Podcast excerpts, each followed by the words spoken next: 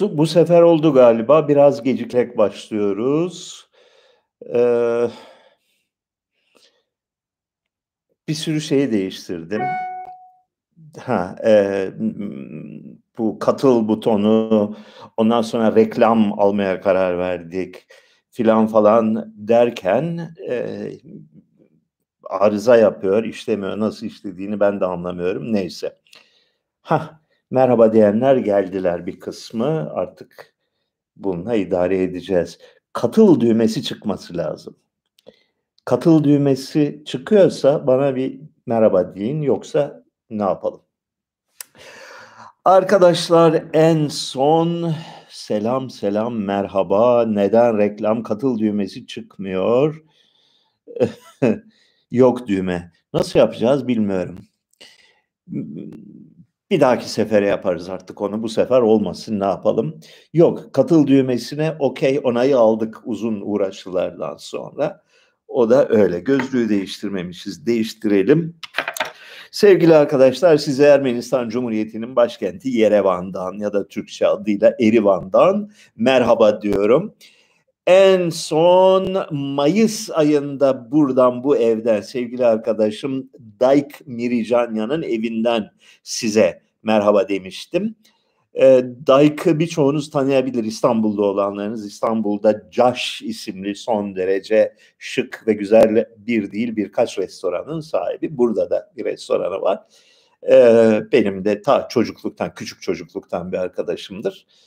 E, onun Ararat konyağını bu arada bir kenardan şey yaptım.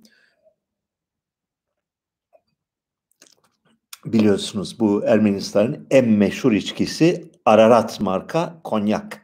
Ta Sovyet zamanlarından beri hatta zannediyorum e, Sovyet önceki zamandan beri var olan bir ürün şahane bir konyaktır. E, yani bana sorarsanız Fransız konyaklarına da fark atar. Neyse. Nereden başlayacağız? Ha, e, şu düz, yani bu e, katıl düğmesi, membership düğmesi ekle diye başımın etini yiyen bir sürü arkadaşımız vardı. Uzun zamandan beri bu konuda bir telkinle karşı karşıyaydım. Neyse bu son haftalarda bu işleri benden daha iyi anlayan ortanca oğlum Tabit'le beraberdik. O allem etti, kallem etti bir şekilde başardı bu katıl düğmesini çıkartmayı da valla çık, çıkmıyor düğme. Ne yapalım? Ee, belki gelecek sefer. Şimdi kurcalamaya başlarsam gene şey, yayını kaçıracağız diye korkuyorum. Böyle böyle şeyler. Nereden başlayalım arkadaşlar? Ee, Türkiye'de ha bugün ha yarın ha haftaya ha bir ay sonra iktidar değişikliği bekliyor tüm arkadaşlarımız ve bu konuda benim kuşku ifade etmemi adeta büyük bir öfkeyle hatta bir şeyle böyle bir, ya bunamışsın sen anlamıyorsun Türkiye'deki durumları e, tavrıyla karşılıyorlar. Ee, Birçok faktör var bunun içinde. Bu faktörlerin bir kısmını sizinle paylaşmaya çalışayım. Sevgili arkadaşım Ali Nesin şöyle bir şey paylaşma yapmış. Ee, olan oldu. Şimdi bu olanların bir defa daha gelecekte olmaması için ne yapmalıyız konusunu tartışma zamanı geldi. Bu ülkede insanlar tek bir KHK ile işlerinden, aşlarından oldular. Haklarını arayamadılar, yurtta iş bulamadılar ve yurt dışına gidemediler. Resmen açlığa terk edildiler ve hiçbirimizin sesi soluğu çıkmadı, çıkamadı. Olanların bir daha olamaması gerekiyor. Ee, sevgili eşim bana mesajlar gönderiyor. Ee, ha, evet. Ee, bir daha asla demiş Ali Nesin. Bu arada eski saat 9'da başlattığım yayında hala beni bekleyenler var orada. Onu çözmemiz lazım o problemi. Nasıl çözeceğimizi de bilmiyorum arkadaşlar. Şöyle yapayım. Of. Bunu alalım. Buradan bir Facebook sayfası açalım.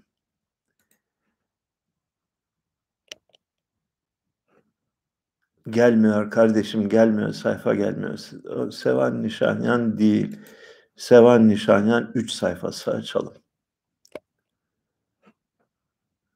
Çok yavaş geliyor. Çok yavaş geliyor. Çünkü Allah kahretsin. VPN bağlıymış. O yüzden her şey bu kadar yavaş işliyor. Ee, yeni adres şöyle diyelim.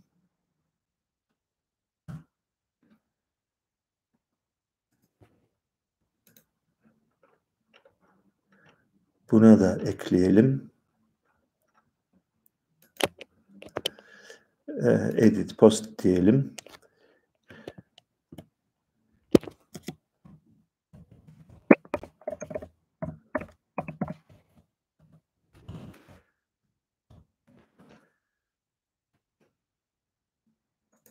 aslında sisteme girip öbür yayını bitirmem lazım. Nasıl yapacağım bilmiyorum. Bunu şeyden de paylaşalım. Twitter'dan da paylaşalım.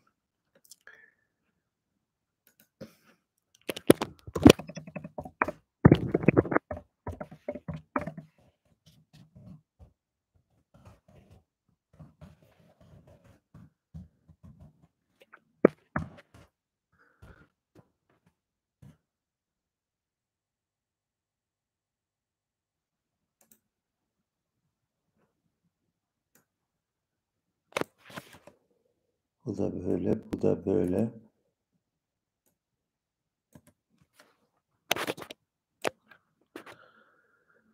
Değil. YouTube.com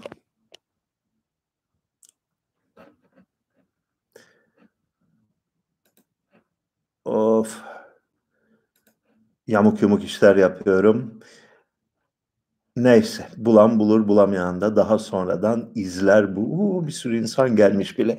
Kusura bakmayın arkadaşlar böyle birazcık karışık olduğu işler. Yapacak bir şey yok. Ee, evet. Ne diyorduk ya? Siteye reklam alıyoruz. Bu tüm tüm içgüdülerime, tüm ilkelerime, tüm inandığım her şeye aykırı bir şey. Fakat mecburiyet karşısında ne yapabiliriz ki? Ee, bir de katıl düğmesi var. Katıl düğmesine basıyorsunuz düğmeye. Ee, 15 TL tahsil ediyor sizden. Temelli üye olmak için üyelik kaydı bu. 15 TL Türk lirası. Bir buçuk dolar zannediyorum şimdilik. Haftaya bir, bir doların altına düşer. Ee, ondan sonra da bir takım size güzellikler yapıyoruz. Tam da ayrıntılarını bilmiyorum. Patron burada değil. Ee, sevgili eşim Atina'da. Ee, Atina'da e, bürokrasiyle, hukuk sistemiyle, devletle bir mücadele içinde. Çünkü benim bu Yunanistan'dan Yunanistan'a girememem, Yunan, Yunanistan'da istenmeyen adam ilan edilmem, e, devlet sırrı me- mertebesine ulaşmam. Tahmin ettiğimizin aksine, bunu geçen hafta da söylemiştim size, öyle ciddi bir siyasi olay, bir karar, bir böyle büyük büyüklerin bir takım toplantılar alıp yapıp e, verdiği bir karar değil. Tam bir bürokratik budalalık hadisesi, bir salaklık hadisesi tüm dünyanın tüm bürokratları gibi bir sürü küçük küçük insanlar, fare ruhlu insanlar güçlerini, kendilerine verilen kutsal görevleri kanıtlamak için ve insanlara pislik yapıp bunun zevkini tadıyorlar. Çözülecek, çözülmeyecek bir şey yok. Bayağı çözülecek. Fakat o yavaş yavaş şimdi böyle bir karar alınmışsa acaba sebebi nedir diye inceliyorlar. Ee, orospu çocukları düzelecek. Yani bir süre sonra Yunanistan'a gideceğiz de orada oturmak ister miyim artık onu da doğrusunu isterseniz bilmiyorum. Ee, bir takım fikirler var kafamda. Bir takım bayağı ciddi maceralar var, fikirler var kafamda. Ondan sonra da Cezayir çekiyor Afganistan çekiyor. Öyle bir yerlere gitmeyi düşünüyorum doğrusunu isterseniz. Ama cesaretim yeter mi? Sevgili eşimi ikna edebilir miyim filan onları bilmiyorum. Dur bakayım burada değildik başka bir yerdeydik. Ne diyorduk? Evet E, bu Tayyip Erdoğan rejiminin felaketi, e, faciası bir süre sonra e, sonlanacak. Bunun tekrarını önlemek için neler yapabiliriz gibisinden bir soru sorulmuştu e, Ali Nesin tarafından. Sesimizi çıkarmalıyız, vicdani bir duruş sergilemeliyiz. Tabii ki öyle. Tabii ki bunlar doğrular. Da nasıl sorusunu soracağız. Nasıl sorusunu sorarken şu soruyu önce soracağız. Bu rejimi farklı kılan, yani bu rejimin ahlaken çökmüş ve düşük bir rejim olduğu kanısını bize aşılayan nedir sorusunu soracağız. Benim gördüğüm birinci ve en önemli hadise bu kanun hükmünde kararname e, ile yüz bini aşkın insanın e, tam manasıyla bir e, Nazi dönemini hatırlatan, 1930'lar Almanya'sını hatırlatan yöntemlerle vatandaşlık haklarının, insan haklarının yok edilmesiydi. E, FETÖ örgütü hakkında yeterli bilgim yok. E, bu örgütün memleket için hayırlı bir örgüt olduğunu dan emin değilim. Yap, yaptıkları ve yaptıklarının yöntemi yanlıştı ve tehlikeliydi bunu düşünüyorum. Fakat sebebi ne olursa olsun hareket noktası ne olursa olsun yüz bin kişinin aileleriyle birlikte, çoluk çocuklarıyla birlikte yaşam haklarının ellerinden alınması, vatandaşlık haklarının ellerinden alınması, Türkiye'ye hapsedilmeleri, Türkiye'den kayıklarla kaçmak zorunda kalmaları, Türkiye Cumhuriyeti'nin tarihinin en tipik vakalarından biridir ve A'dan Z'ye namussuzluktur. Yani kendine insanım diyen bir insanın bu sonsuz ve ölçüsüz alçaklık karşısında e, infial duymaz. Tüylerinin diken diken olması gerekir. Ve bunun nasıl düzeltileceğini sorması gerekir. Bu hükümetin diğer e, sevapları ve günahları her neyse ne böyle bir şeye tevessül etmiş bir hükümetin medeni bir ülkede medeni insanlar arasında köpek seviyesinde görülmesi gerekir. Bu konuda kafamda en ufak bir kuşku yok. Diğer suçları nedir bu hükümetin? Onlara da gelelim. İkincisi 2015 yılından itibaren özellikle Kürtlere yönelik olarak yapılan terör kampanyasıdır. Yani e, tüm seçilmiş e, Kürt e, siyasetçilerin hapse atılması, Türkiye'nin en kaliteli siyasi kişiliklerinden bir kısmının belirsiz sürelerle zindana atılması, şehirlerin 5-6 şehrin yani e, hatırlayalım Nusaybin'in e, Yüksekova'nın şey Diyarbakır merkezin Şırnak'ın bombalanması havadan bombalanarak yerle bir edilmesi bunlar insanlık dışı davranışlardır. Lakin orada bir şey var bir, bir noktayı koymak lazım. Bu ha, savaş, bu e, sindirme operasyonu öncelikle bu hükümetin siyasi kararlarının sonucu değildi bence. Bu hükümet Türkiye Cumhuriyeti tarihinde ilk kez doğru dürüst bir oturup bir barış süreci oluşturmak için ama yarım yamalak ama yetersiz bir şekilde e, girişimde bulunmuş bir hükümetti. Bir noktada Türk devletinin iç organları e, iç organı derken özellikle kalın bağırsağı kastediyoruz. E, yönetimi ele aldı ve Kürt politikasını, Türkiye Cumhuriyeti Devleti'nin geleneksel Kürt politikasını empoze etmeye karar verdi. 2015 yılında gerçekleşti bu olay. 2014'te başlamıştı da 2015 yılında meyvesini topladılar. E, demek ki bu hükümetin günahlarını sayarken en büyük günahı olarak e, KHK'yı, ikinci büyük günahı olarak da e, Güneydoğu'da giriştikleri Kürt bastırma hareketini sayacağız. Fakat bu ikincisinde ana aktörün e, Recep Tayyip Erdoğan olduğunu ben tahmin etmiyorum. Ana aktör değil yardımcı oyuncudur orada ikinci olayda. Bunun dışında e, söylemleriyle Recep Tayyip Erdoğan Türk toplumuna nefret aşılamıştır. 10, 10 20 sene boyunca aralıksız olarak televizyona çıkıp bir nefret söylemini bu ülkede e, kamusal söylemin normu, kuralı haline getirmiştir. Bu da utanılacak bir şeydir. Yani aşağılık bir davranış biçimidir. Ee, onun dümen suyunda onun arkasından gelerek memlekette ne kadar cahil, it, kopuk varsa hepsi konuşma cesareti bulmuşlardır. Ee, Diyanet İşleri Başkanı başta olmak üzere, e, şu anki İçişleri Bakanı başta olmak üzere muazzam bir akılsızlığı, e, cahilliği, e, terbiyesizliği kamu söyleminin, ülke yönetiminin temel kuralları haline getirmişlerdir. Bu da kötü bir şeydir.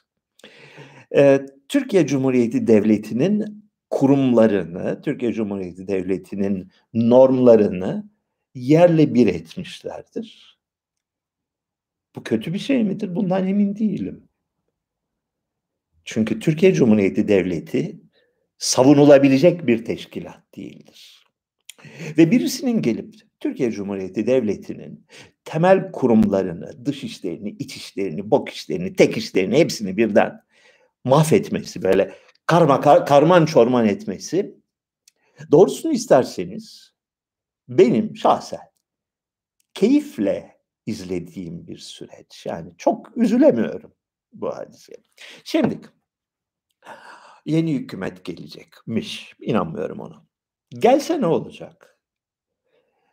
KHK konusunda bir duruş sergileyebilecek bir hükümet mi olacak?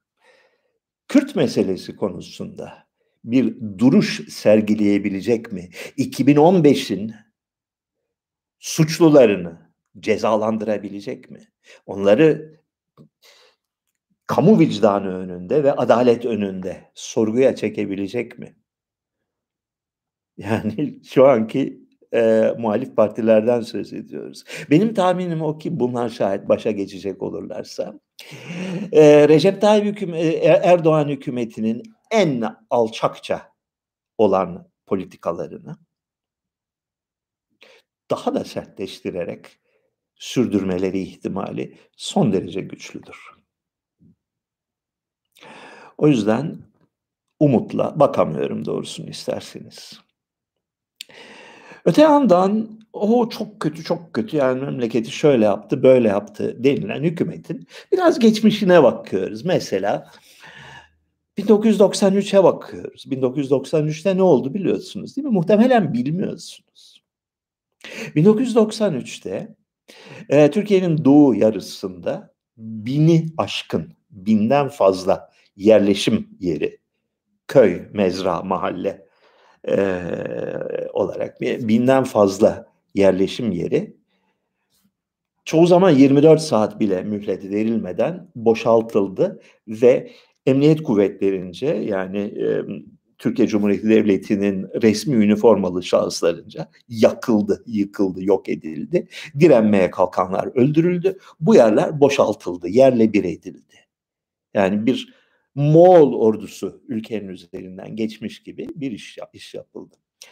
E, meraklıysanız böyle şeylere size tavsiyem mesela Google Earth falan gibi bir programa girin ve doğuda küçük yerlerde mesela Şırnak'ın köylerine bakın.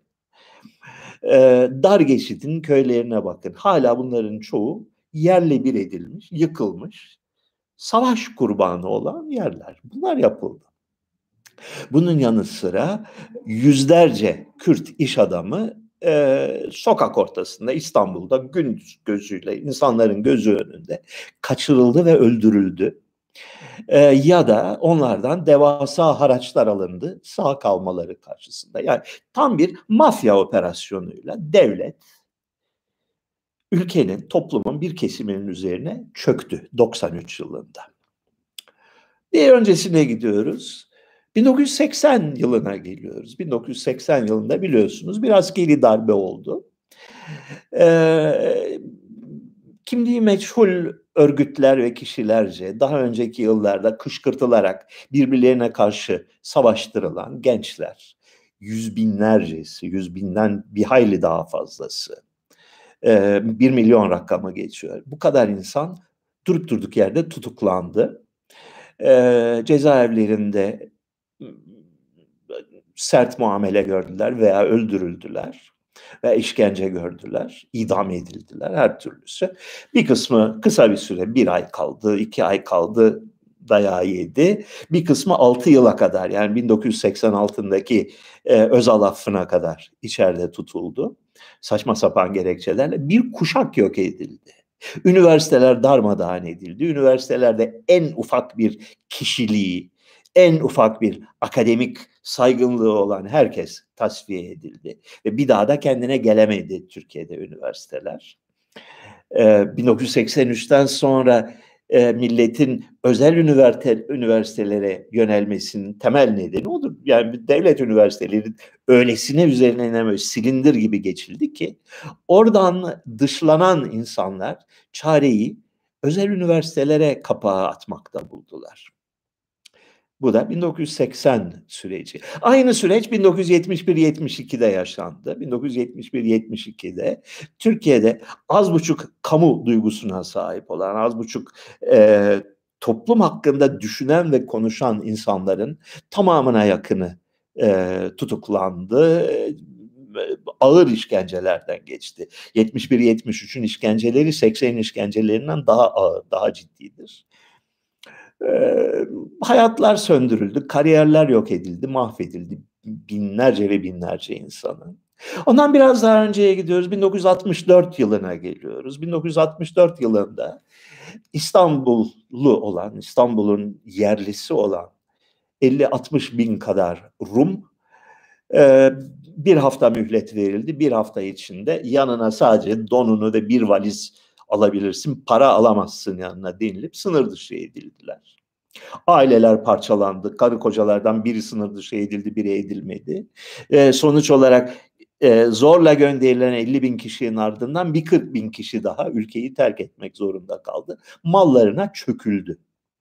Çöküldü bayağı bas, böyle resmen gasp edildi. 64 yılın. Gidiyoruz ondan önce 1960 yılına geliyoruz. 1960 yılında e, Demokrat Parti ile ilişkisi olan, ilişkisi olduğu iddia edilen Demokrat Parti ile il, ilgili olduğuna ilişkin ihbar ve iftiralara kurban giden herkes Türkiye'de çökertildi, mallarına çöküldü, paraları ellerinden alındı ihbar edilmemek karşılığında kendilerinden rüşvet alındı.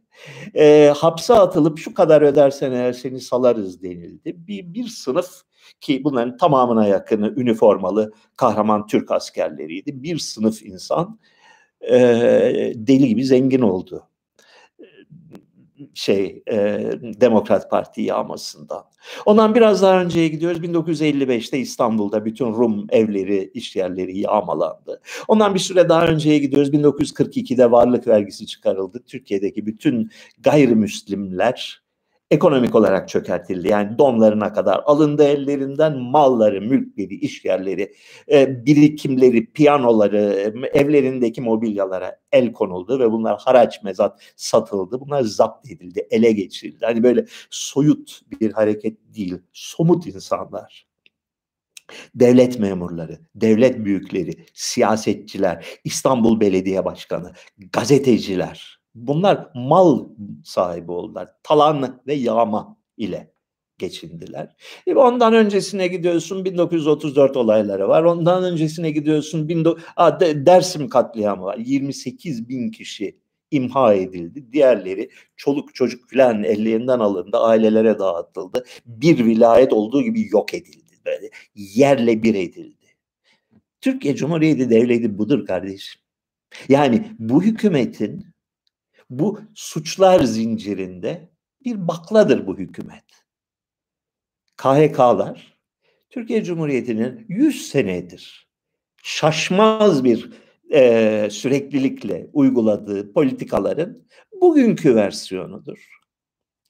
Ve bu konuda bir adım atılacağına, bu konuda bir düzelme olacağına dair en ufak bir belirti şu an itibariyle yoktur. Onun için İnşallah diyeceğiz bu sefer farklı olur. Tamam çok mu karamsar oldu? Olsun. Ee, başka dur bakalım siyaset. Ha bir arkadaş bayağı çirkin bir mesaj yazmış Ermenistan'a ilişkin olarak. Ee, Ermenistan'ın işte Ermenilerin Rus emperyalizminin uşağı olduğuna ilişkin hakaret amiz ifadeler kullanmış. Ermenistan Cumhuriyeti evet Ruslar tarafından yaratılmış bir ülkedir burası. Ee, ve Rusların askeri desteği sayesinde ayakta kalabilen bir ülkedir. Geçmişte ve bugünümüzde. Ee, Ermenistan deyince Türkiye'de pek çok insanın, dünyada pek çok insanın aklına Ermenistan Cumhuriyeti gelir. İşte Ermenistan burası değildir. Ermenistan'ın küçük bir köşesidir burası. Ee, burada modern dönemde bir Ermenistan kurma fikri ve bu yönde atılmış olan adımlar yabancı ülkelerin eseridir. Bu ülkeler bir tane değildir, iki tanedir. Ee, biri Rusya'dır tabii, bu bilinen budur. Diğeri ise Türkiye'dir. Ee, Rusların şeyi şu, Ruslar 1820'li yıllardan itibaren Kafkasya'da bir Ermeni yerleşimi, yurdu yaratmak için harekete geçtiler. 1828-29'da bir Rus-Osmanlı savaşı gerçekleşti. Bu savaşta Rus orduları Erzurum vilayetini işgal ettiler. Erzurum vilayeti bugünkü Erzurum ilinden bir hayli daha büyük bir yerdir. Bayburt dahildir, Kars dahildir, Ağrı dahildir. Yani bayağı Erzincan da dahil galiba. Erzincan'dan emin değilim. Ama bayağı büyük bir bölgeyi işgal ettiler. Sonra çekildiler o bölgeden.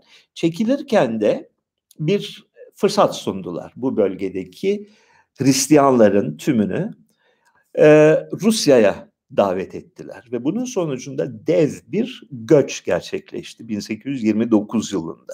1829 yılında bugünkü Erzurum, Bayburt, e, Ağrı ve Kars ilinin e, Ardahan da dahildir galiba. E, bütün gayrimüslimleri ki bunların yüzde 90 küsuru Ermenilerdi. Yüzde ondan daha küçük bir kısmı ise bu bölgede yaşayan ve Rum Ortodoks Kilisesi'ne mensup olan Türklerdi. Olduğu gibi e, bugünkü Ermenistan topraklarına göçtüler ve biraz e, Gürcistan'ın güney kısmına göçtüler. Ondan sonraki dönemlerde burada Ermeni e, nüfusu konsolide etmek için Rusların çeşitli çalışmaları oldu.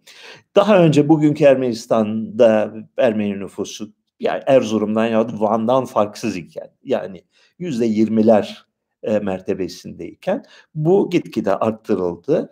E, bu bölgede yerleşik olan, bu bölgede eskiden beri yaşayan Türkler çeşitli e, vesilelerle buradan uzaklaşmaya teşvik edildiler ve bugün Ermenistan'da nüfus çoğunluğu yüzde 99 küsur oranında Ermeni olan bir ülke yaratıldı. Bu işin bir tarafı. Ve e, 1920'den sonra da bu ülkenin dış güvenliği e, Moskova'ya aittir. Moskova sayesinde e, varlığını sürdürebilen, aksi takdirde Moskova'nın askeri desteği olmasa bugüne kadar çoktan haritadan silinmiş olacak bir ülkedir. E, ben şahsen e, Ermeni toplumunda, Ermenistan'daki Rusya'ya yeterince minnet duyulmamasını e, esefle karşılıyorum. Fakat olay bundan ibaret değil hikayeden. Fırsat bulursanız 1918'de ilk Ermenistan Cumhuriyeti'nin kurulmasıyla sonuçlanan Batum konferansını inceleyin derim. Çünkü Batum konferansında e, Türkiye Azeri delegasyonunun kolunu bükerek, bayağı zorlayarak e, Yerevan ve civarından yani bugünkü Ermenistan'ın orta bölgesinden Azerilerin çekilmesini sağlamıştır. Yani bu yönde bir e, bayağı güçlü bir diplomatik çabaya girmiş. E, Halil Menteşe'dir o tarihte İttihat ve Terakki rejiminin e, delegesi, e, bu konferanstaki üyesi. O zamanın adliye vekili olan, Adalet Bakanı olan Halil Menteşe, e, İttihat ve Terakki'nin yönetici kadrosunun önde gelen kişilerinden biridir. Sonra da Cumhuriyet'in ilk yıllarının önemli politikacılarından biri olmuştur. Halil Menteşe e, Azerileri şu argümanla şey yapmıştır, yönlendirmiştir. Yani bir şekilde Ermeniler Doğu Anadolu'dan, daha doğrusu Erzurum ve Van'dan çıkarıldılar, boşaltıldılar. Bir Ermenistan kurulacak. Şöyle ya da böyle bölgede eğer e, ulusal birimler e, ve bazında ulus devletler kurulacaksa, nasıl ki bir Gürcistan kurulacaksa, nasıl ki bir Azerbaycan kurulacaksa, nasıl ki bir Türkiye kurulacaksa bir Ermenistan'da kurulacak. Erivan'ı vermezseniz bunlar Erzurum'u ya Van'ı isterler. Uluslararası platformda çünkü bu kararlar bir iki devletin kendi arasında vereceği kararlar değildir. Uluslararası platformda savaşın sonu eğer e, Rusların galibiyetiyle sonuçlanırsa veya e, hatta ve hatta Almanların dahi galibiyetiyle sonuçlanırsa Türkiye'nin kolu bükülecektir ve Ermenilere belli bir miktar toprak vermesi istenecektir. E, Erzurum'la Van'ı vereceğimize İvan'ı verelim. Orada nüfus çoğunluğu, Erivan yöresindeki havzasının nüfus çoğunluğu o tarihte hala Azeriydi. Yani nüfusun yarıdan fazlası Azeri olan topraklar bunlar. Azeriler oradan boşaltılacak. Ha bir de şey vardı. Türkiye'den e, mülteci olarak Ermenistan'a gelmiş olan çok büyük kalabalıklar vardı. Onların iskanı meselesi vardı. Nereye iskan edilecekler bu insanlar? Dolayısıyla 1918'in e, Mayıs ayında 11 Mayıs'la 21 Mayıs arasındaki 10 günlük süreçte Türkiye bir koluyla Azerbaycan'ı ikna ederek bir Ermenistan kurulmasında bir başrol oynamıştır. Diğer yandan bunu mesela ben çözemiyorum. Halil Paşa e, komutasındaki kuvvetler e, antlaşmayla Türkiye'ye ait olmayan, antlaşmayla Erivan vilayetine ait olan bugünkü Iğdır ilini Türkiye, o zamanki adı Sürmeli'ydi oranın. Sürmeli'yi işgal etmiştir. Şey kuvvetleri, e, Halil Paşa kuvvetleri antlaşmaya aykırı olduğu halde Sürmeli'ye girmiştir. Sürmeli, Erivan'ın bulunduğu ovanın, Aras Ovası'nın yarısıdır. Türkiye tarafında kalan kısmı şimdi. Ee, öbür tar- nehrin karşı tarafını Ermenilere verelim, bu tarafı biz alacağız demiştir Türkiye ve işgal etmiştir. Bununla yetinmeyip Erivan'a yönelik olarak Halil Paşa'nın orduları bir savaş, bir e, saldırı e, düzenlemişlerdir. Bu, bu saldırıda yenilmişlerdir ya da belki de yenilmeyi tercih etmişlerdir. Sardarabad'da e, Osmanlı ordusu, Türk ordusu bir ağır bir rezimete uğramıştır. 21-22 Mayıs tarihlerinde. Ki bundan bir hafta sonra da Ermenistan bağımsızlığını ilan etti 28 Mayıs 1918'de. Bu olayları çok bilmeden e, Ermenistan'ın dış politikası hakkında ukalalık etmeseniz bence daha doğru olur diye düşünüyorum. Ee, evet. Birisi Yeniçeri uçakları Ermenistan vatandaşı mısınız diye sormuş. Evet Ermenistan vatandaşıyım. E, aynı zamanda Türkiye vatandaşıyım. E, bu da e, tahmin ettiğinizden çok daha büyük komplikasyonlar, sıkıntılar filan doğuruyor. Fakat en azından e, güvenebileceğim, arkamı verebileceğim bir e, ülkeye sahibim. Bu da bunun için de ben şahsen minnettarım bu konuda. E, gerek bundan önceki Ermenistan hükümeti, gerek şimdiki Ermenistan hükümeti çok büyük bir cömertlik ve dostluk gösterdiler bana. Bir kadir şinaslık gösterdiler. Bundan dolayı da onlara teşekkür borçluyum. Ee, Apple yaramış. Evet, Apple iyi. internet kalitesi de çok iyi burada. E, gerçekten doğru dürüst bir soru göremiyorum. Bundan böyle hep Ermenistan'da mı olacaksınız hocam diye sormuş bir arkadaş. Henüz bu soruya cevap veremiyorum. Besim Tibuk da yan kanalda takılıyor. Yaşlılar YouTuber olmuş demiş bir arkadaş. Ee, Besim Bey'le konuştuk geçen gün sağ olsun o da çok e, eğlenceli gırgır bir muhabbetimiz var. Biliyorsunuz benim çok eskiden beri çok saygı duyduğum birisi e, Besim Bey. E, Türkiye'de orijinal olabilen olaylara hazır bir takım böyle şey gibi e, sürünün mantığıyla değil kendi aklıyla ve kendi vicdanıyla bakabilen ve aklının ve vicdanının söylediklerine kulak veren ve bunları dillendirmekten çekinmeyen bir insan. Bunlar da bir insan hakkında sizin söyleyebileceğiniz en değerli, en olumlu övgülerin başında gelir.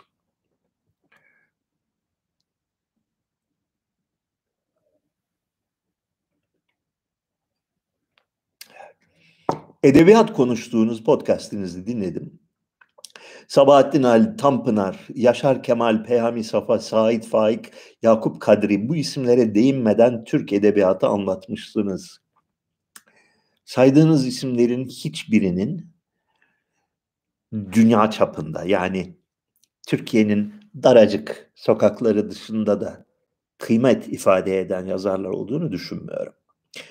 Ee, severek okuduklarım var. Ee, Tanpınar'ın sevmiştim, severek okumuştum yıllar önce. Yaşar Kemal'in İnce Mehmet'i çok iyi bir romandır bence. Ee, Peyami Safa geçiniz. Sait Faik çok sevimlidir, okunur. Yakup Kadri, bah. E, fakat bunların hiçbiri birinci ligde oynayan yazarlar değiller. Yani edebiyat deyince benim aklıma daha çok Shakespeare geliyor. Türk edebiyatı deyince de Fuzuli geliyor. Yani bunlar yüksek bir kültürün ürettiği ve üretebildiği yüksek ruhlardır. Yani insanın, insanoğlunun, insan cinsinin ufuklarını bir adım ileriye götüren insanlardır.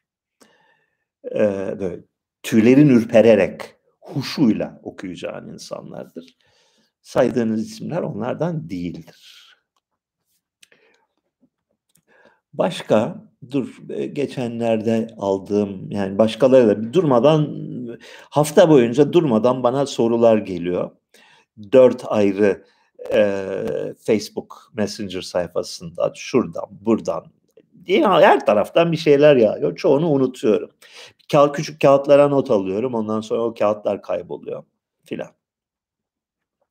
Türkler Araplardan bin yıl önce Tanrı'yı biliyorlardı. Araplar putlara, Persler ateşe taptıkları dönemden 800 sene önce bir ve tek olan Tanrı'ya inanan Türk Hun hükümdarları filan falan. Aman Allah'ım yani bu ne kadar ne kadar cahil ve salak insanlar var. Nasıl şeylere inanıyorlar? Böyle şeylere nasıl inanabiliyorlar? Bunu ben hayretle karşılıyorum. Türk Hun hükümdarları diye bir şey yok arkadaşlar. Birincisi eğer varsa da bunlar hakkında hiçbir bok bilmiyoruz. Çünkü e, Asya'daki Hun diye e, Avrupa'yı 5. yüzyılda istila eden bir kavmin adıdır. Bu kavme Avrupalıların, yabancıların verdiği isimdir Hun. Bu Hunlarla Milattan önce 1. 2. yüzyılda Çin'in oralarda, Çin'in başına bela olan Şumnu diye bir grup var. Onların aynı kavim olduğu iddiası bir iddiadan ibarettir, bir spekülasyondur, bir tahmindir. Çin'in başına bela olan Şumnular hakkında bildiğimiz e, Çin kaynaklarında, Çin vekainamelerinde yazanlardan ibarettir. Bunun dışında bir şey bilmiyoruz. Bu grupların her ikisinden günümüze yazılı hiçbir şey gelmemiş. Bunların neye inandığı, ibadetinin ne olduğu, kültürünün ne olduğu, dininin ne olduğu hakkında bir bok bilmiyoruz. Tengri kelimesi, Türklerin Tengri diye bir şeye inandıkları fikri Avarlardan itibaren milattan sonra 4. yüzyıl mıdır nedir öyle bir tarihte e, yine Çin kayıtlarına geçmiş. Bu, bu Tengri'nin ne olduğu e, sıfatlarının ve niteliklerinin ne olduğu hakkında fazla bir şey bilmiyoruz. Orhun yazıtlarına gelindiğinde 8. yüzyılda evet bir Tengri baş köşede oturuyor. Türklerin inancının temeli. Yalnız şuna dikkatinizi çekelim. Ee, Orhun yazıtları Çin kültürel etkisi altında, Çin siyasi etkisi altında Çinli uzmanların desteğiyle yazılmış bir metin. Yani bunu açıkça söylüyor orada Kültigin. Diyor ki e, siz biz bu yazı işlerinden anlamayız. Çin hükümdarından rica ettim o da beni kırmadı. Adam gönderdi ki taş üstüne benim fikirlerimi yazsın. Taş üstüne fikir yazmak belli ki çok yeni bir fikir. Yani e, açıklamak gere gereğini duyuyor. Şu anda yaptığımız egzersizin niteliği nedir diye. Hani okuyanlar anlamazlar diye anlatıyor. Orada anlatılan Tengri fikri tamamıyla birebir Çin'in egemen ideolojisinin, Çin'in devlet ideolojisinin yansıması. Aynı şey. Ee, Çin'de şey fikri var. Tamamıyla siyasi bir din bu. Bir devletin ideolojisi olarak geliştirilen bir din. Ve Çin'in e, şeyi şu, e, yaklaşımı. E, the mandate of heaven. Bazı kişiler, seçilmiş kişilere gökyüzü kut verir. Ve bu kut sayesinde bu yönet kişi imparator olur, devletin başı olur ve diğer herkes bu insana boyun eğmekle mükelleftir. Yüce Tanrı o kişiyi kutsamıştır, kutlamıştır. Devlet olmuştur o kişi. Başına devlet kuşu konmuştur. Gök Tanrı onu kutsamıştır. Bunun altında bölgesel beyler vardır. Onları küçük tanrılar yönetir. Küçük tanrılar küçük beyleri, büyük tanrı ise tek ve bir olan imparatorun sahibidir. Yani tengricilik denilen şey bu tarihte Türkleri etkileyen siyasi ve ideolojik fırtınalardan birinin bir yansıması. Çin ideolojisinin yansıması. Çünkü unutmayın e, şey e, bu Orhun yazıtlarının yazıldığı tarihte Türkler bütün Orta Asya batıdan gelen büyük bir tehdidin e, gök gürültülerini duymaktaydı. İslam büyük bir hızla yayıldı. İran İmparatorluğunu yıktı. İran'ın doğusundaki toprakları Semerkand'ı, Buhara'yı vesaireyi ele geçirdi ve yani deli gibi ilerliyor, istila ediyor. İslam'la birlikte çok şaşırtıcı bir şekilde yine aynı tarihlerde bir dizi başka batı ideolojisi. Maniheizm ve Hristiyanlık büyük bir hızla Orta Asya'ya yayılıyorlar, Çin'e kadar yayılıyorlar. Çin ise bu Türklerin batıdan esen ceryanlara kapılmamasını, aksine Çin'in devlet düzenini, Çin'in düşünce yapısını korumalarını istiyor. Onlara adam gönderiyor. Danışman gönderiyor. Ya paşam yani biz imparatoruz ama sen de imparator sayılsın. Koskoca Kaan'sın. Çünkü neden? Çünkü sen Tengri'nin, Tanrı'nın şeyine sahipsin, kutuna sahipsin diyor. Orhun yazıtlarını böyle okuyun. Orhun yazıtlarında çok net bir uluslararası siyaset metni var.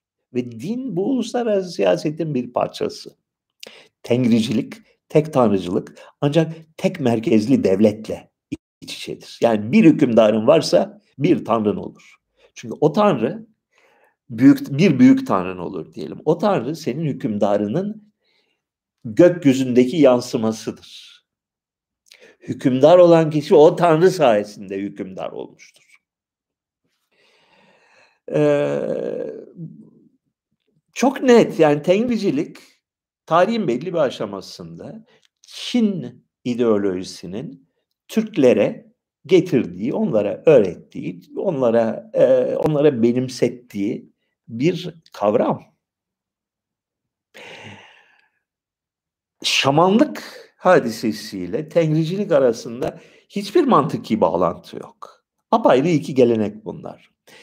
Eski Türklerde şamanlık denilen şeyin ne kadar yaygın olduğu, ne kadar belirleyici olduğu hakkında yeterli bilgimiz yok. Çünkü şamanlık hakkında bildiğimiz hemen hemen her şey 19. yüzyıl sonunda, 20. yüzyıl başında Sibirya'daki ve Doğu Rusya'daki e, bir takım henüz ne Müslüman ne Hristiyan olan bir takım kavimlerin Altaylar, Tuvalar işte bilmem ne ıvır zıvır e, Samoyetler gibi kavimlerden e, antropologların öğrendiği şeylerden ibaret. Bu inanç ve e, e, tören silsilesinin, geleneğinin ne kadar geriye gittiği, ne kadar yaygın olduğu, eski Türkler zamanında ne kadar belirleyici olduğu konusunda çok sınırlı bilgimiz var. Yani bir e, her köyde e, bir takım ser, seyyar büyücülerden ve onların iletişim kurduğu ruhlardan oluşan bir halk inancı var. Öyle anlaşılıyor. Bunlar çok bariz bir şekilde tüm son derece senkretik inançlar. Yani e, komşulardan ya da yabancılardan ve başka kültürlerden işlerine gelen her şeyi almışlar. Yani karman çorman içinde e, şaman gelenekleri içinde Arapçadan alınmış kelimeler, Hristiyanlıktan alınmış kavramlar, Budizm'den özellikle etkilenmiş fikirler çok var. Bunlar bir halk dinleri şeyi amalgamı bir halk dinleri çorbası oluşturmuş. Bir de devlet dini var. Devlet dini diyor ki bir tane tengri var. O her şeyi yönetir. O yüzden şeye Kaan Hazretlerine boyun eğmeniz gerekir. Çünkü o kut sahibidir. İki ayrı gelenek bunlar. Ee, ikisi de çok orijinal değiller.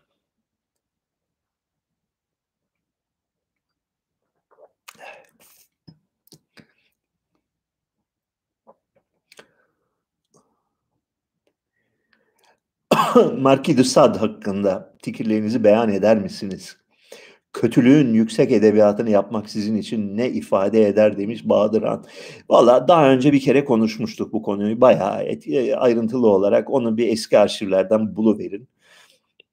Ya da bizim ee, Ari var bir arkadaş her hafta benim eski şeylerden, pazar sohbetlerinden üç parça kesip yayınlıyor. Belki o bulur ve yayınlar o bölümü. Ee, çok fazla şey yapmayalım.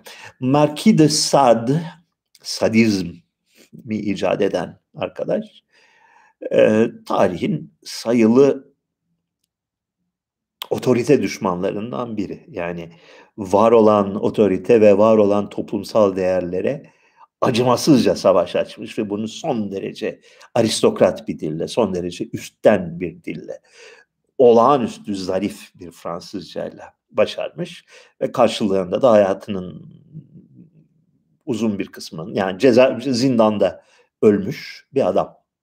30 sene falan zindanda kaldıktan sonra hapiste ölmüş. Kitaplarının bir kısmını cezaevinde yazmış. Ee, falan filan. Ee, çok fazla okumadım. Bir kitabını ta gençken okumuştum. Bir başka kitabını da 2-3 e, sene önce Atina'da sahafları gezerken buldum, aldım ve okudum ve bir kez daha yani şöyle diline hayran olmamak mümkün değil. Dili son derece rafine bir dil. Ee, fikirlerini savunmaktaki cesareti ve zarafeti insanı etkileyen bir şey. Bir süre sonra ama yani çok ileriye gitmiş duygusuna kapılıyorsun. Çünkü var olan ahlaki yapının altındaki e, ikiyüzlülüğü sergilemek, e, ahlakın ve kurallara uymanın insana ne başarı ne de mutluluk getireceğini kanıtlamak bir yere kadar seni tatmin ediyor. E sonra hangi ilkelere göre insan yaşamını yönlendirmelidir sorusuna çok da fazla verebileceği bir cevap yok. Sad Markisi'nin.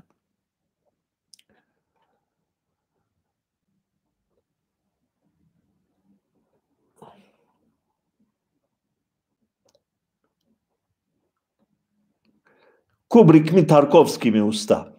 Kubrick. Yani Amerikalılar, Amerikan sineması hikaye anlatmayı biliyor.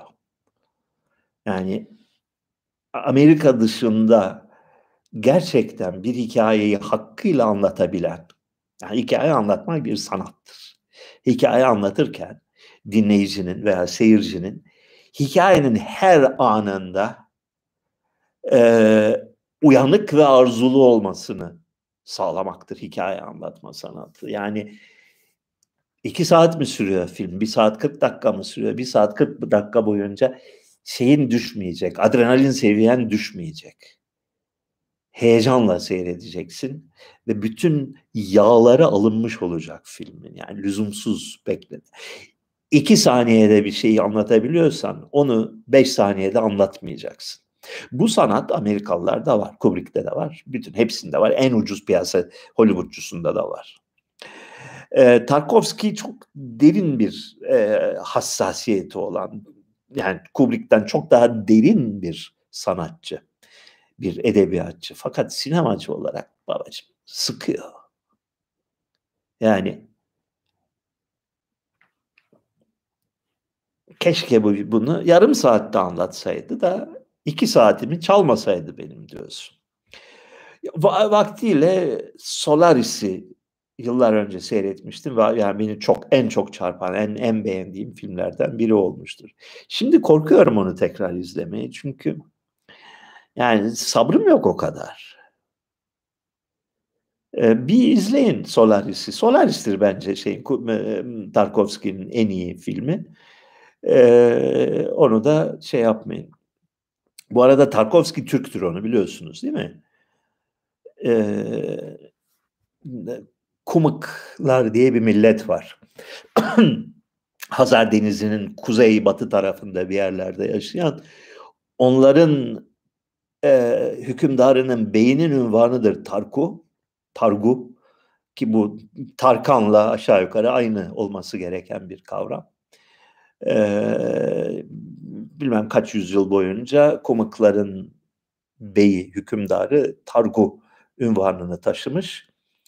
Ee, Rus yönetimine girince oraları Rus aristokrasisi içinde onlara bir yer açılmış. Yani buyur demişler. Petersburg'da ekabir arasına katılmışlar. Yani Ruslar o konuda Batılılardan çok daha başarılı olmuşlardı tarihte. Yani egemen oldukları kavimlerin önde gelenlerini, e, yetenekli ve seçkinlerini kolayca entegre etmişlerdir kendi emperyal yapılarına. E, Andrei Tarkovski de öyle bir aileden gelen birisi. O da aklınızda olsun. Of başka başka dur bakayım buraya aldığım notlarda daha güzel bir şey var mı? Biz Giresunlular kendimizi çepni diyoruz hep. Acaba gerçekten çepni miyiz?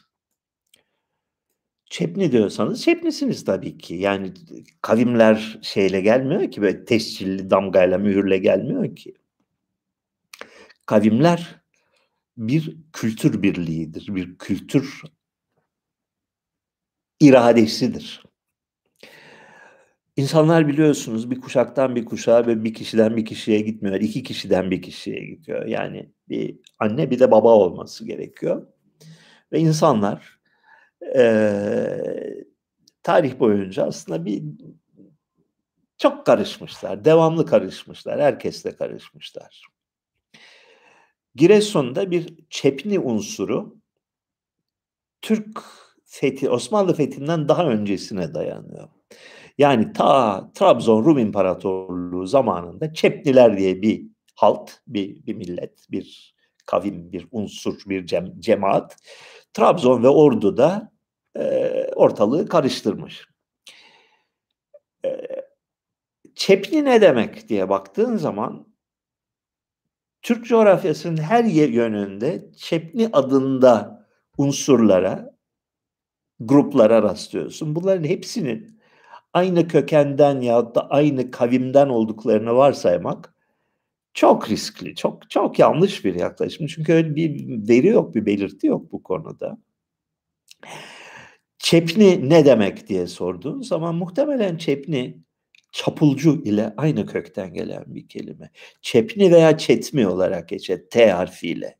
Her iki halde de çapmak veya çatmak fiiliyle alakalı bir isme benziyor. Benziyor diyorum sadece.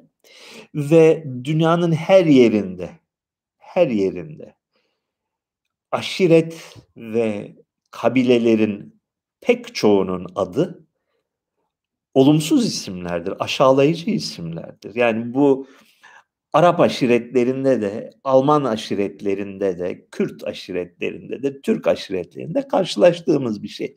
Çünkü genellikle isimler, etno, etnonimler yabancılar tarafından verilir. Başkalarının sana verdiği isimdir. Ve insanlar başkasını, ötekini her zaman küçülten ve aşağılayan terimleri tercih ederler. Çapulcu, haydut, çıtak, kavgacı anlamında. Karalar, ee,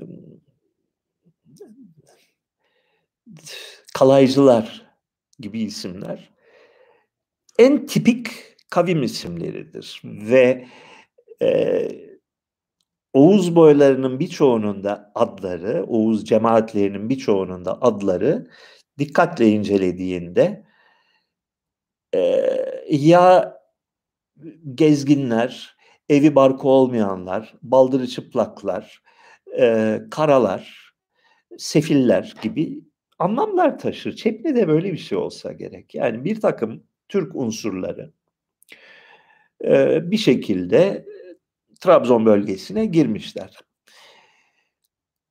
19. yüzyıla gelindiğinde Giresun nüfusunun büyük bir bölümü özellikle köy ve e, şehir ve kasaba nüfusu Rum'dur. Geri kalan kısmı da Osmanlı döneminde çeşitli şekillerde buraya yerleşmiş çeşitli kökenlerden Müslüman ahalidir. 20. yüzyılda Türk Türklük, Orta Asyalılık fantezileri devlet ideolojisi olduğunda okullarda çocuklara bu ideoloji ve bu mitoloji öğretildiğinde insanlar da dediler biz biz kimiz? Biz kimlerdeniz? Biz kimlerdeniz? Biz Türkiye toplumu bir amalgamdır. Yani Müslümanlık çerçevesine sığdırılabilen herkes birbiriyle karışmıştır, evlenmiştir, iş ortağı olmuştur, gitmiş oraya yerleşmiştir, oradan gelmiştir, asker olmuş oraya gitmiştir vesaire vesaire karışıktır.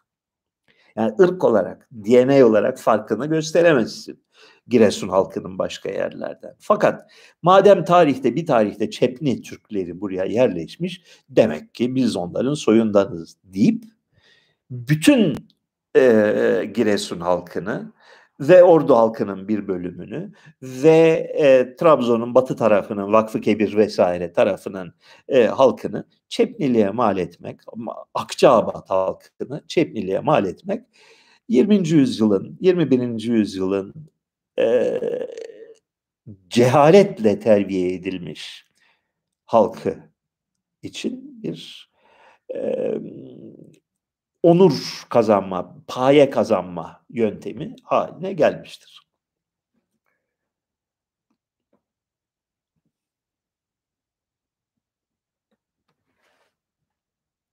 Şunu çözemiyorum.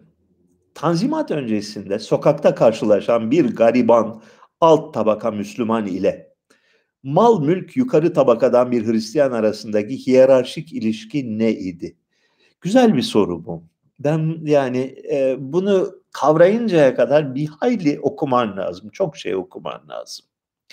Birincisi şu, Tanzimat öncesinde e, gayrimüslimin e, mal mülk sahibi üst tabaka olması ihtimali çok düşüktü. Yani Tanzimat'a kadar, 1830'lara kadar Ee, Anadolu'da olsun, Rumeli'nde olsun, İslam ahaliyle Hristiyan ahali arasında şöyle diyeyim 10, 18. yüzyılda, 19. yüzyılın başlarında bu iki tabaka arasında ciddi bir sosyoekonomik farklılık mevcut değildi. Daha eskiye gittiğinde, 16. yüzyıla gittiğinde kesinlikle e, Müslüman tabaka egemen sınıftır, üst sınıftır, daha zengin sınıftır. Hristiyanlar daha fakir, daha köle sınıfıdır, reaya sınıfıdır.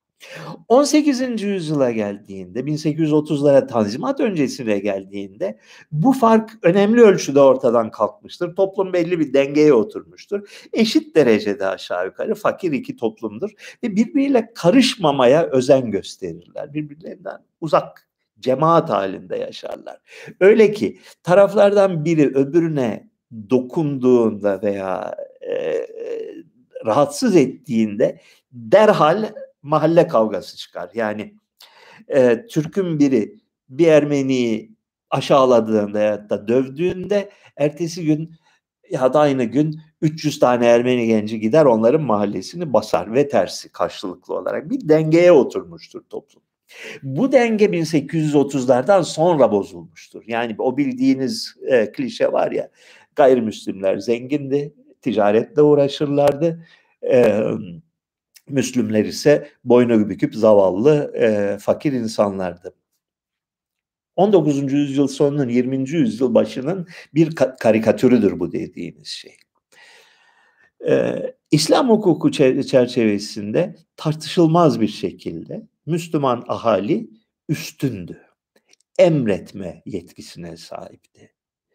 Hakaret etme yetkisine sahipti e, gayrimüslimin ata binmesi yasaktı. İstisnalar haricinde. Tabii ki biliyorsunuz Türkiye'nin kuralı ya da şark ülkelerinin kuralı mutlaka bir istisna vardır. O istisna sonsuza kadar istismar edilir ve büyütülür. Bir delik bulunur. O delik büyütülür. Dolayısıyla e, gayrimüslimlerin ata binmesi yasak olsa dahi bunun formülleri vardır. Bunun istisnaları vardır. Bunun muafiyetleri vardır. Bunun ıvırı vardır, zıvırı vardır. Bir şekilde e, onlar da ata biner. Ama kanun belli. Kanuna göre ata binmesi yasak. O yüzden ata binmiş bir şekilde sevmediği, gıcık kaptığı bir Türk'le karşılaşsa, Türk de buna dese ki in ulan gavru attan ne yapıyorsun hemen kadıyı çağırın filan zor durumda kalır. Karşılıklı birbirlerini dövmeleri gerekir, kavga çıkar filan falan. Ee, Cemaatler karışır işin içine. E, papaz efendiyle imam efendi buluşurlar. E, olayı tatlıya bağlarlar filan falan. Size şeyi e, tavsiye ettim. Drina Köprüsü'nü. Drina Köprüsü'nü okuyun. Çünkü orada e, bir Bosna'nın küçük bir kasabasında Müslümanlarla yani Türk olarak geçiyor orada. Bugün Boşnak diyoruz onları da o zamanlar isimleri Türktü. Türklerle e, Hristiyan Sırplar arasındaki sosyal ilişkilerin inceliklerini kavramak açısından çok güzel bir roman. Yani gerçekten çok şey öğreten bir roman. Birbirlerine fazla dokunmuyorlar. E, Türkler herhangi bir nedenle bazı Türk şahıslar e, iktidarlarını istismar etmek isterlerse ya da bir aşağılama veya e, kötülük yapmaya da e, soygunculuk yapmaya kalkarlarsa e, gayrimüslimler bir refleks geliştirmişler zaman içinde. Evet paşam haklısın paşam. Tabii paşam ne yapalım paşam. Boynumuz kıldan ince paşam diyorlar. Ondan sonra çoğu zaman bu çok enteresan bir detaydır. Gayrimüslimler her zaman için devleti Osmanlı Devleti'ni, merkezi hükümeti kendi müttefikleri, kendi güvenceleri olarak görüyorlar. Yani yerel gücün istismarına karşı her zaman devlete e, sarılıyorlar. Devletin yardımını ve şefaatini ve himmetini talep ediyorlar. E, her zaman şu hikayeyle karşılaşırsın.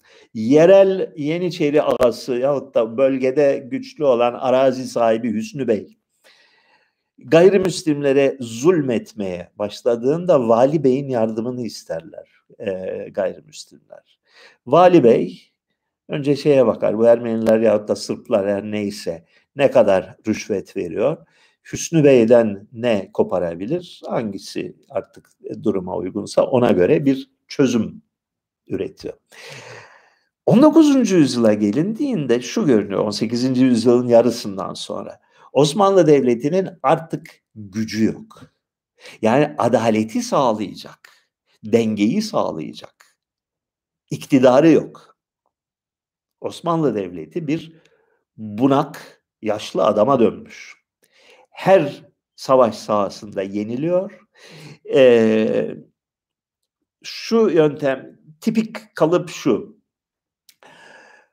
Sırplara yahut da e, Ulahlara yahut da Bulgarlara falanca bey zulmeder. E, malı vergi ekstradan haraç almaya başlar yahut da onların işte köprü bakıcılığı yapmasına izin vermez yahut da onların vakfının vakfının kasasına el koyar yahut da kızlarından üç tanesini kaçırır filan falan zulmeder. Yani güç bende filan. Gayrimüslimler devlete başvururlar. Bu burada, bey bizi burada mahvediyor, yandık bittik bizi kurtar diye. Devlet hiçbir şey yapamaz. Gücü yoktur çünkü. Bunun üzerine gayrimüslimler ayaklanırlar. Ayaklanırlar. Ee, beyin paşanın şeyini kellesini keserler, çiftliğini yakarlar e, vergi vermiyoruz kardeşim demeye başlarlar. Bunun üzerine Osmanlı oraya bir ordu gönderir. Yarısını kılıçtan geçirir. Hepsini ezer, yok eder. Köylerini yakar, mahveder. E, kazığa oturtur. Çünkü buna isyan etmişlerdir. E, bunun üzerine e, bir süre sinerler. Ondan sonra komşu devletlerin, Avrupalıların, Macaristan'ın, Avusturya'nın, Rusya'nın yardımını isterler. Abi gel bizi kurtar gözünü seveyim biz bunu ne yapacağız burada diye. Ee, Rusya girer ya da Avusturya girer. Osmanlı ordularına bir tokat atar, mahveder. Bütün Türkleri oradan kovar. Ee, kendi düzenini kurar. Kendisi o köylüleri sömürmeye başlar. Şey bu kalıp bu yani ve tekrar tekrar tekrar tekrar 200 sene boyunca bu pattern, bu kalıp tekrar edilmiş. Bu da Peşte'den başlamış süreç. Aya Stefanos'a kadar yani Yeşilköy'e kadar dayanmış. Doğu'da aynı şekilde ta e, Tiflis'ten, Miflis'ten oralardan başlamış. Tiflis'ten değil de işte e, Poti'den ya da e, Batı Gürcistan'ın çeşitli yerlerinden başlamış. Adım adım adım geri çekilmiş. Hep aynı kalıp. Osmanlı Devleti'nin ekonomik ve askeri yönden zayıflamasıyla birlikte son derece hassas bir toplumsal denge alt üst olmuş. Bu son derece hassas toplumsal denge kağıt üzerinde Müslümanların mutlak hakimiyeti, üstün ve egemen sınıf olmasına dayanıyor. E, fakat bir takım kurumlarla, bir takım ad hoc çözümlerle, yani bir takım e, yasal olmayan idare-i maslahat niteliğinde çözümlerle bir dengeye ulaşmış. Yani yaşanabilir bir düzen kurmuş. Devlet bunu e, garantileme işlevini yerine getirememeye başladığında e, bir tarafa kağıt üzerinde bir sürü yetki vermişsin, artı silah vermişsin, artı at vermişsin, artı devletin e, ideolojik desteğini vermişsin. Asker onların elinde, polis onların elinde, mahkeme onların elinde. Ne yapar insanlar eğer e, yasal sistem içinde cezalandırılma korkusu yoksa kullanır insanoğlu puşttur. Elinde silah varsa daha puşttur. Elinde silah olan silah olmayanı sömürür. Silah olmayanın da elleri armut toplamadığı için ya isyan eder ya bir yerden silah tedarik eder ya da yabancı devletlerin yardımını ister. Onların da canlarına minnet tabii ki müdahale ederler. Osmanlı böylece zayıf olduğu için daha zayıflar. Daha zayıfladığı için daha daha zayıflar. Adım adım adım adım geriye gider.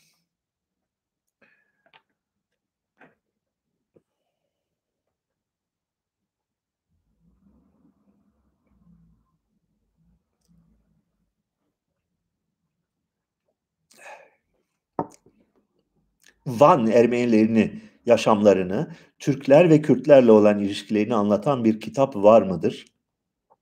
Veya sizin bunu sohbet konusu yapmanız mümkün mü? Var yani Van hakkında bir sürü kitap var. Ee, İngilizce de vardı. Türkçe yok tabii de. Ee, İngilizce olarak Van veya Vaspuragan veya veya Vaspuragan diye bakarsanız e, tonla kitap bulursunuz. Çünkü özellikle Van hakkında çok e, bilgi şey vardır, yayın vardır. Bunun da sebebini biliyor musunuz? Hı. Bunun da sebebi şudur. Osmanlı çeşitli teşebbüslerine rağmen soykırımı Van ilinde gerçekleştirmeyi başaramadı. Ee, Van ilinin güney kısmında yani Gevaş, Hizan filan o taraflarda e, tertemiz etti ortalığı. Fakat Van şehri e, isyan etti, direndi ve teslim olmadı ve sonunda da uzun ve çok kanlı bir çatışmanın sonucunda Rus orduları geldi ve Van'ı e, kurtardı. Bir süre sonra yeniden Van Türk tarafına e, geçti. Fakat o seferinde Van'ın Ermeni halkı topluca büyük bir göçle Ermenistan'a, yani Rus e, e, şeyinin e, hududunun arkasına sığınma imkanı buldu. Dolayısıyla bugün günümüzde e, Ermenistan Cumhuriyeti'nde haddinden fazla, çok fazla, sayıda Vanlı var. Aynı şekilde Amerika'da, Suriye'de, başka yerlerde de bir sürü Vanlı var. Mesela Erzurumlu ya Elazığlı çok daha azdır.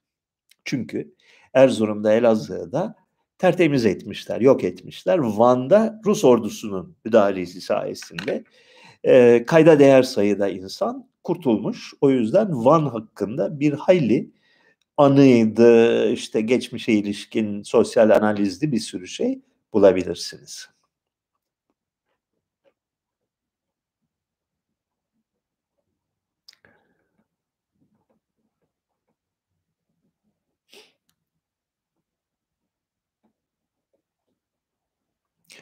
Şir Peleng adlı arkadaş Azerbaycan denilen sözde devlet 1918'de ilk kez ortaya çıkarıldı. Hesap Bakü petrolüydü. Tat, Talış, Lezgi, Avar, Kürt ve vesaire halklarını asimile ederek 1937'de Azerbaycanlı millet kimliğini ortaya çıkardılar demiş. Haklıdır da doğrudur yani hikaye budur. Ee, böyle olmayan kaç tane devlet biliyorsunuz diye sormak lazım. Neyse biz